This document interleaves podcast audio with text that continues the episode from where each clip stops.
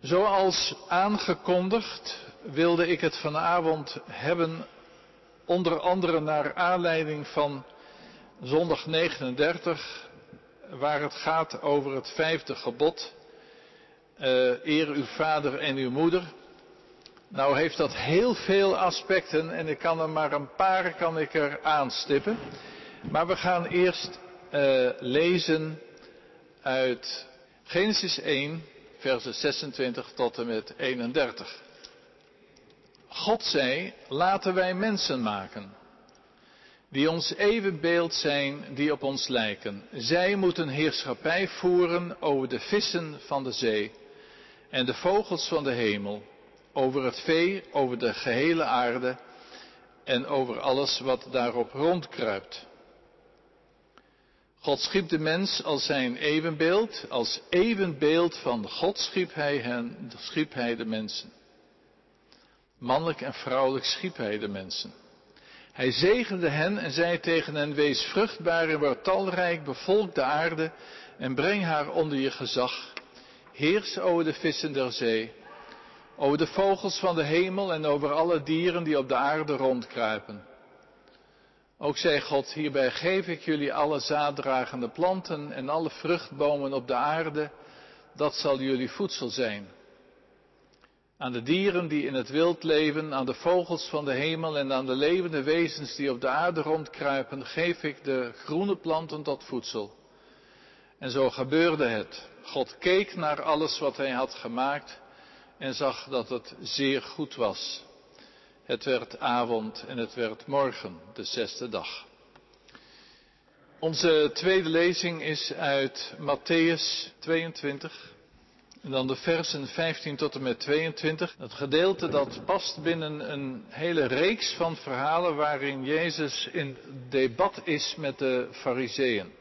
Nu trokken de fariseeën zich terug om zich erop te beraden hoe ze hem met een uitspraak in de val konden lokken. Ze stuurden enkele van hun leerlingen samen met een aantal Herodianen naar hem toe met de vraag, Meester, wij weten dat u oprecht bent en in alle oprechtheid onderricht geeft over de weg van God. We weten dat u zich aan niemand iets gelegen laat liggen. U kijkt immers niemand naar de ogen. Zeg ons daarom wat u vindt. Is het toegestaan de keizer belasting te betalen of niet? Maar Jezus had hun boze opzet door en zei, waarom stelt u me op de proef, huigelaars? Laat me de belastingmunt zien. Ze reikten hem een denari aan. Hij vroeg hen, van wie is dit een afbeelding en van wie is het opschrift? Ze antwoordden, van de keizer. Daarop zei hij tegen hen, geef dan wat van de keizer is aan de keizer. En geef aan God wat God toebehoort. Ze waren zeer verbaasd toen ze dit hoorden. Ze lieten hem staan en gingen weg. Ik lees u de tekst van zondag 39, ofwel vraag 104. Vraag is dan, wat wil God in het vijfde gebod? Antwoord, dat ik mijn vader en mijn moeder en allen die boven mij gesteld zijn, alle eer, liefde en trouw bewijs en me aan hun goede voorschriften en tucht met gepaste gehoorzaamheid onderwerp en ook met hun zwakheid en gebreken geduld heb, aangezien het God behaagt ons door middel van hen te regeren. Tot zover wat de opstellers van de Heidelberger de Rauwe geschreven hebben. En ik neem dan nu vooral ook mijn uitgangspunt verder in Matthäus 22. Gemeente van onze Heer Jezus Christus. Geef dan wat van de keizer is aan de keizer en geef aan God wat God toebehoort. Het is het korte, maar tegelijkertijd zeer inhoudsvolle antwoord van Jezus aan enkele leerlingen van de Fariseeën. Zij waren gestuurd door hun leermeesters met een voor de Joden in die tijd lastige en precaire vraag. Is het geoorloofd de keizer, de Romeinse keizer, belasting te betalen? Dit gedeelte, het antwoord erop, heeft een grote rol gespeeld in de geschiedenis van de kerk bij de vraag naar de verhouding van kerk en overheid. Of kerk en staat. Wat is de verhouding aan de ene kant tussen je loyaliteit aan de staat, aan eigen land, aan vaderland, en hoe verhoudt zich dat met de gehoorzaamheid aan God? Een belangrijke vraag voor heel veel christenen. Dat was zo ten tijde van crisis en oorlog. Het was in Duitsland in de dertiger jaren, ook in de Tweede Wereldoorlog. Ben ik loyaal aan mijn land? Wat is de gehoorzaamheid aan God hier? Zelfs in Nederland moet ik de bezetter toch gehoorzamen. En op het ogenblik in de Verenigde Staten al de verhalen over patriotisme. Betekent het antwoord van Jezus dat we ons als het ware in twee partjes moeten delen? Geef aan de keizer wat van de keizer is en aan God wat van God is.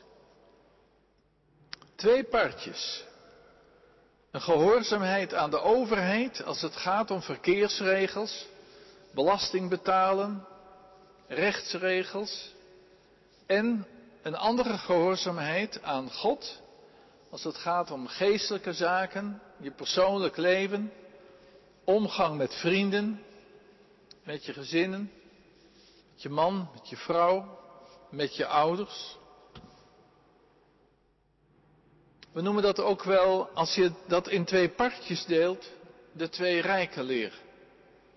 En we staan volgens die twee rijken leer onder tweeërlei regiment. Tweeërlei, ja, regel. Onder twee soorten van bestuur. Het een is geestelijk en het ander betreft het aardse, stoffelijke leven. En hoe verhouden zich die tot elkaar? Maar gaat het daarom in dit gedeelte?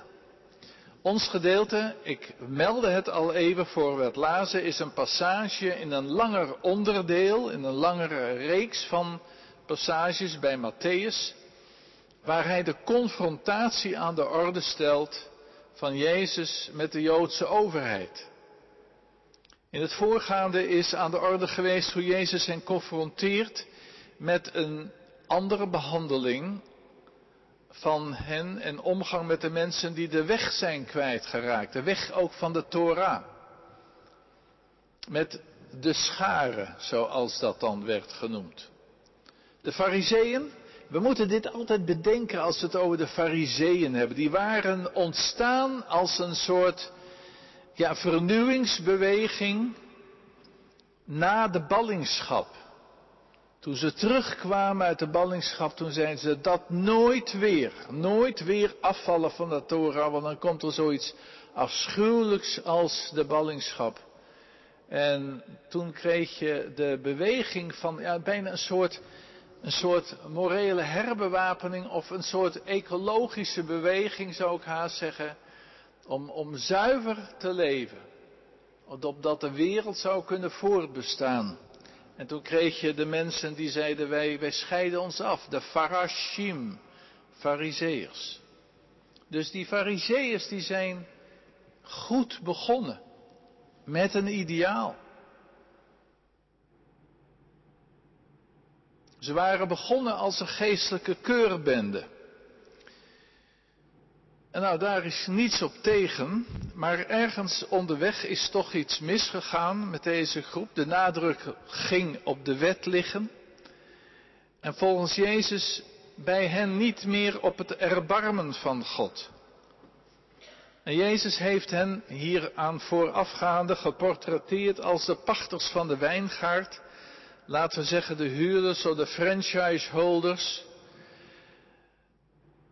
Maar ze houden zich volstrekt niet aan de afspraken die voorafgaande aan de franchise gemaakt waren.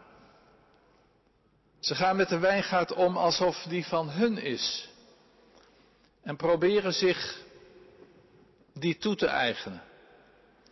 Nou, de fariseeën hebben het door, ze worden kwaad en ze sturen daarom een delegatie naar Jezus om een paar uitspraken te ontlokken rondom een heet onderwerp, een hot issue. Waarmee zij dan vervolgens naar de Romeinse overheid, naar de stadhouder kunnen gaan. Kijk, als Jezus zegt aan de keizer geen belasting betalen, dan schaart hij zich daarmee in het gezelschap van zeeloten, opstandelingen, die het gezag van de Romeinse keizer niet aanvaarden. En dan was er een grond voor een aanklacht tegen Jezus. Maar als Jezus daarentegen het andere alternatief kiest, het andere, de andere horen van het dilemma, en zegt wel betalen aan die keizer, dan haalt hij zich het ongenoegen en het gejoel en talloze tweets van het volk op de hals, van het gepeupel. Dan staat hij te boek als onpatriotisch. En dat is een doodzonde in landen waar het patriotisme een tijd lang het hoogste gebod is. Hoe zal Jezus reageren? Hij doorziet ze. Hij kent de twee horenen van het dilemma. En hij zet ze ook gelijk neer. Dat is keihard, hè? Hij zegt gewoon, jullie huigelaars. Dit zijn instinkertjes, zegt hij eigenlijk. Jullie komen met een strikvraag, maar eh, hebben jullie een denari bij je, zo'n belastingmunt? Vermoedelijk had Jezus er als rondtrekkend leermeester zelf niet één. Maar zij grijpen in hun zakken en hebben zo'n munt geslagen in Lyon met de beeltenis van de keizer op de voorkant en die van de keizerin op de achterkant. We hebben ze ook later gevonden. We weten wat voor soort belastingmunt dat was. En uit het feit dat zij een munt bij zich hebben, blijkt al dat het voor hen helemaal niet een vraag is of ze wel of niet in het systeem van belasting betalen willen meedoen. Ze hebben al zo'n ding. Ze maken al onderdeel uit van het financiële systeem. Dat laten ze zien. Net zo goed als wij met onze betaalpasjes en onze munten en onze persoonsbewijzen, uh, uh, rijbewijs, uh, je klantenkaart bij Hupplepup en die en die, onmiskenbaar deel uitmaken van een heel systeem. En ja, een heel systeem met al de problemen die daarin zitten. De problemen van stikstof, wel of niet autorijden, wel of niet uh, ja, vlees eten. Mijn jongste dochter die wilde graag op een feest dat zij had dat wij gingen koken en dat moest allemaal vegetarisch zijn. Nou, dat moeten wij nog een beetje leren. En ik kan heerlijk soep koken, maar het liefst wel met ballen erin. Maar dat was niet de bedoeling. Maar goed, eh, we maken deel uit van het systeem. Of we nou willen of niet. Je hoeft maar bij een bank te zitten en zo'n betaalpasje te hebben. En je hoeft maar ergens een klein pensioentje te hebben of op te bouwen. En je zit in het systeem. Dat is het eerste. En dan de tweede vraag van Jezus. Uh, dus het antwoord is, jullie betalen al lang belasting. Kom nou, is, is een vraag voor jullie? En dan die tweede vraag van Jezus. Wat staat voor die munt eigenlijk? Nou, dat is een, dat is een simpel antwoord op te geven. Nou, kijk maar, de beeldenis van de keizer. Die munt komt uit de keizerlijke munt. En dat houdt verband met zijn regeren. Het antwoord van Jezus luidt op het eerste gezicht heel simpel. Geef dan wat van de keizer is aan de keizer. Maar dat antwoord is, als je er goed naar kijkt, nog volkomen leeg. Want wat is van de keizer? De munt, het recht om belasting te innen. Je kunt er nog alle kanten mee op. Het tweede deel van het antwoord zet echter dit eerste in een heel ander licht. Geef aan God wat aan God toebehoort. De eerste hoorders zullen bij dat antwoord de oren hebben gespitst. Het beeld van de keizer, dat staat op de munt. Maar welk beeld staat op ons? Staat er in Genesis 1, het gedeelte wat we daaruit gelezen hebben, niet zoiets als dat de mens geschapen wordt naar de beeltenis, naar het beeld van God?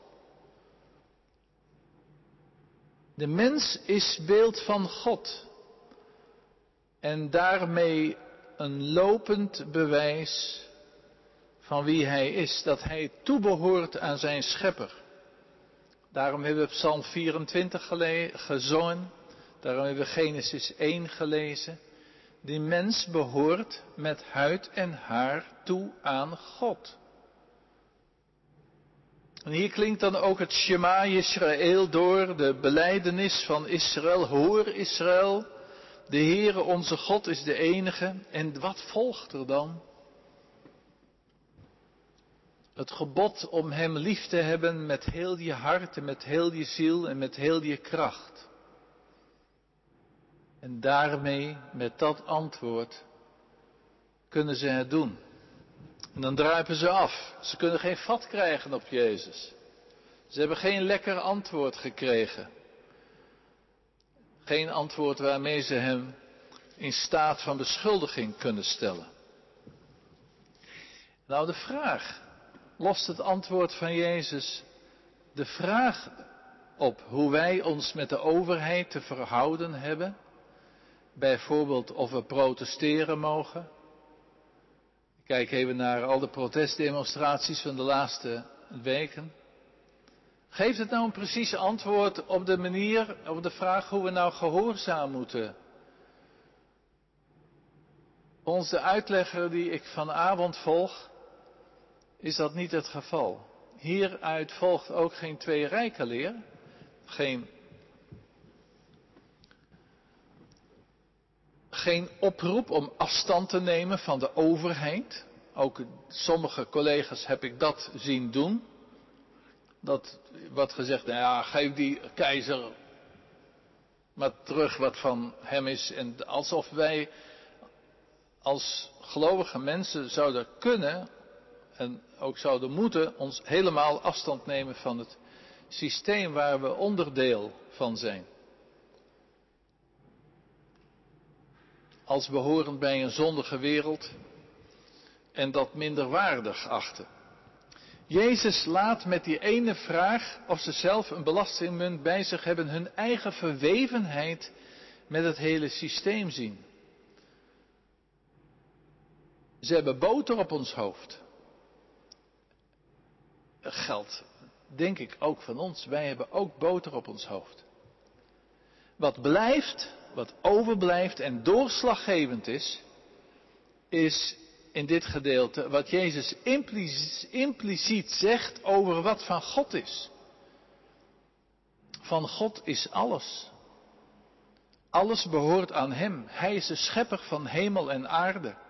Hij heeft zijn stempel gedrukt op de mens en hij wilde die mens. U bent van hem.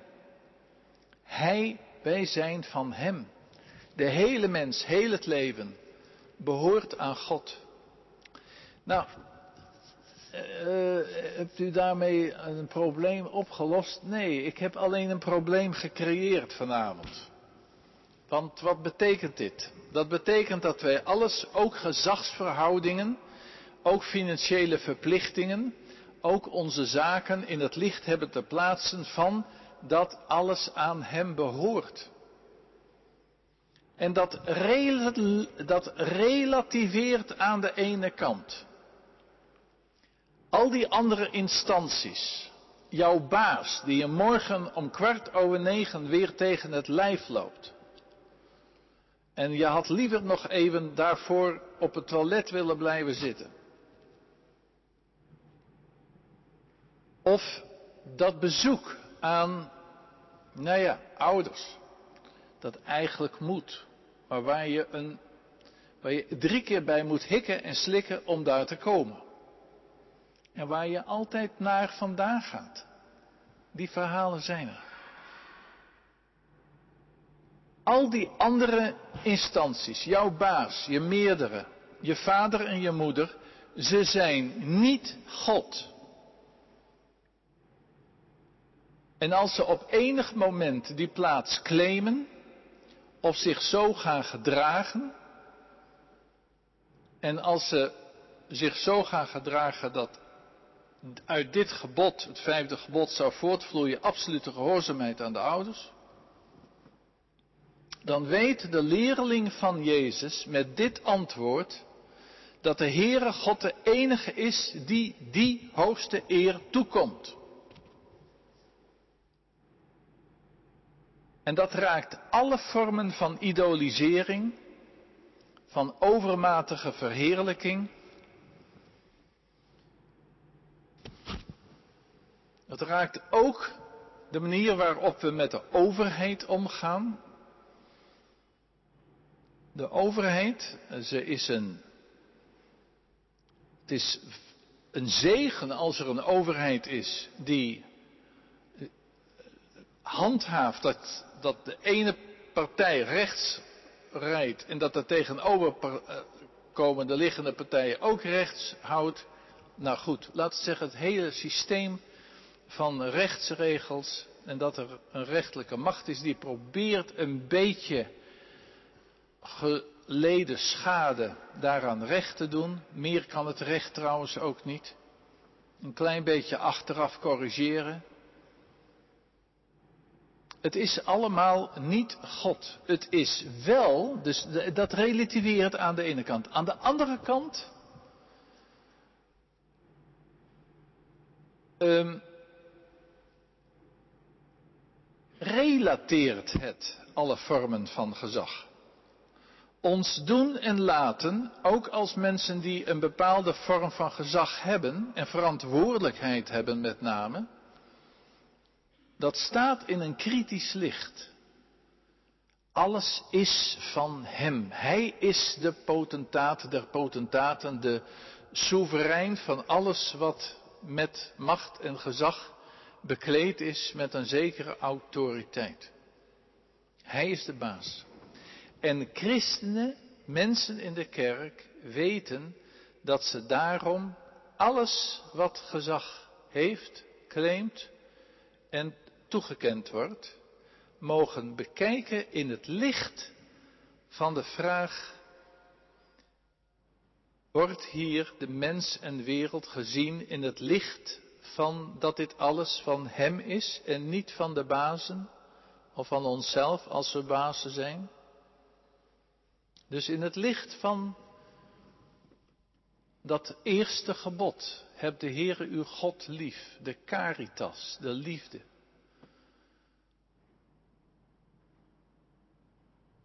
Het hoogste gebod hier, dat Jezus spreekt, dat Jezus hier impliciet aanwijst met dat simpele antwoord, geef aan God wat van God is.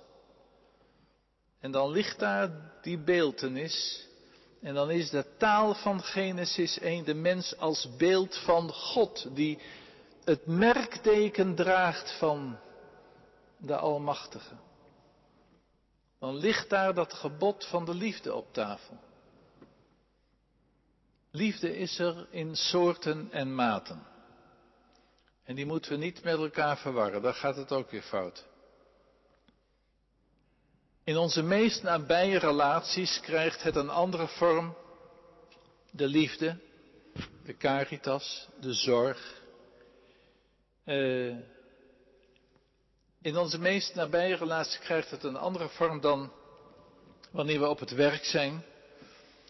Of op straat aan het verkeer deelnemen. Of een bepaalde afspraak met iemand hebben om een bepaalde klus te doen. Liefde heeft in ieder geval, in al die relaties, iets te maken met gunnen.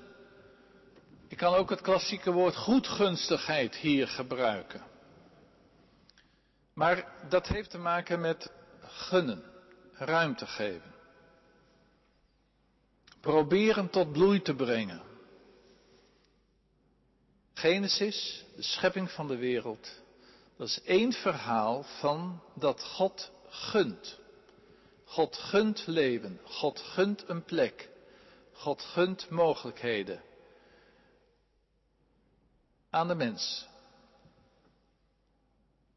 En dat betekent niet dat die ander met zijn pootjes omhoog kan, kan gaan liggen en niks doet. Nee, de heel die schepping die wordt daar in Genesis 1 ook meegevraagd om mee te werken tot coöperatie. Nou, daar ga ik het nu niet vanavond verder over hebben. Maar wel zo kijkt de Heere God de Almachtige. Zo oefent hij gezag uit. Dat is ook nog weer voor ieder die, die in de situatie zit dat hij, dat, dat iets moet regelen en dat hij daar verantwoordelijkheid voor heeft. Als we kijken naar de manier waarop de schepper de wereld heeft gemaakt en zijn Heer zijn invult, dan is dat uitnodigend. Uitnodigend aan die ander om een eigen verantwoordelijkheid te nemen en bij te dragen. Ruimte gunnen. En daarmee de bloei, de wederzijdse bloei, bevorderen. Heel klassiek gezegd, de eer van God en de bloei van de mens. En het is de eer van de Heere God als die mens tot bloei komt. En in de bloei van de mens is de Heere God geëerd. En goede gezagsoefening betekent dat er gesproken kan worden. Dat er, ja, ik moet het toch ook zeggen in het licht van de Bijbel, dat er af en toe onderhandeld wordt met de Heere God. Dus ja, dat kan ook gebeuren op werk of in het gezin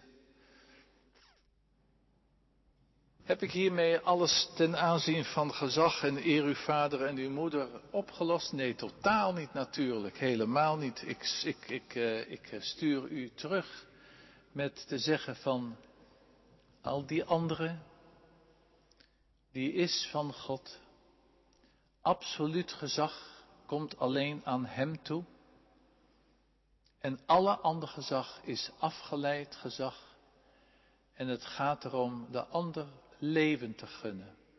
En hoe dat er precies uitziet, u bent zelf vrouws en mans genoeg om daar met elkaar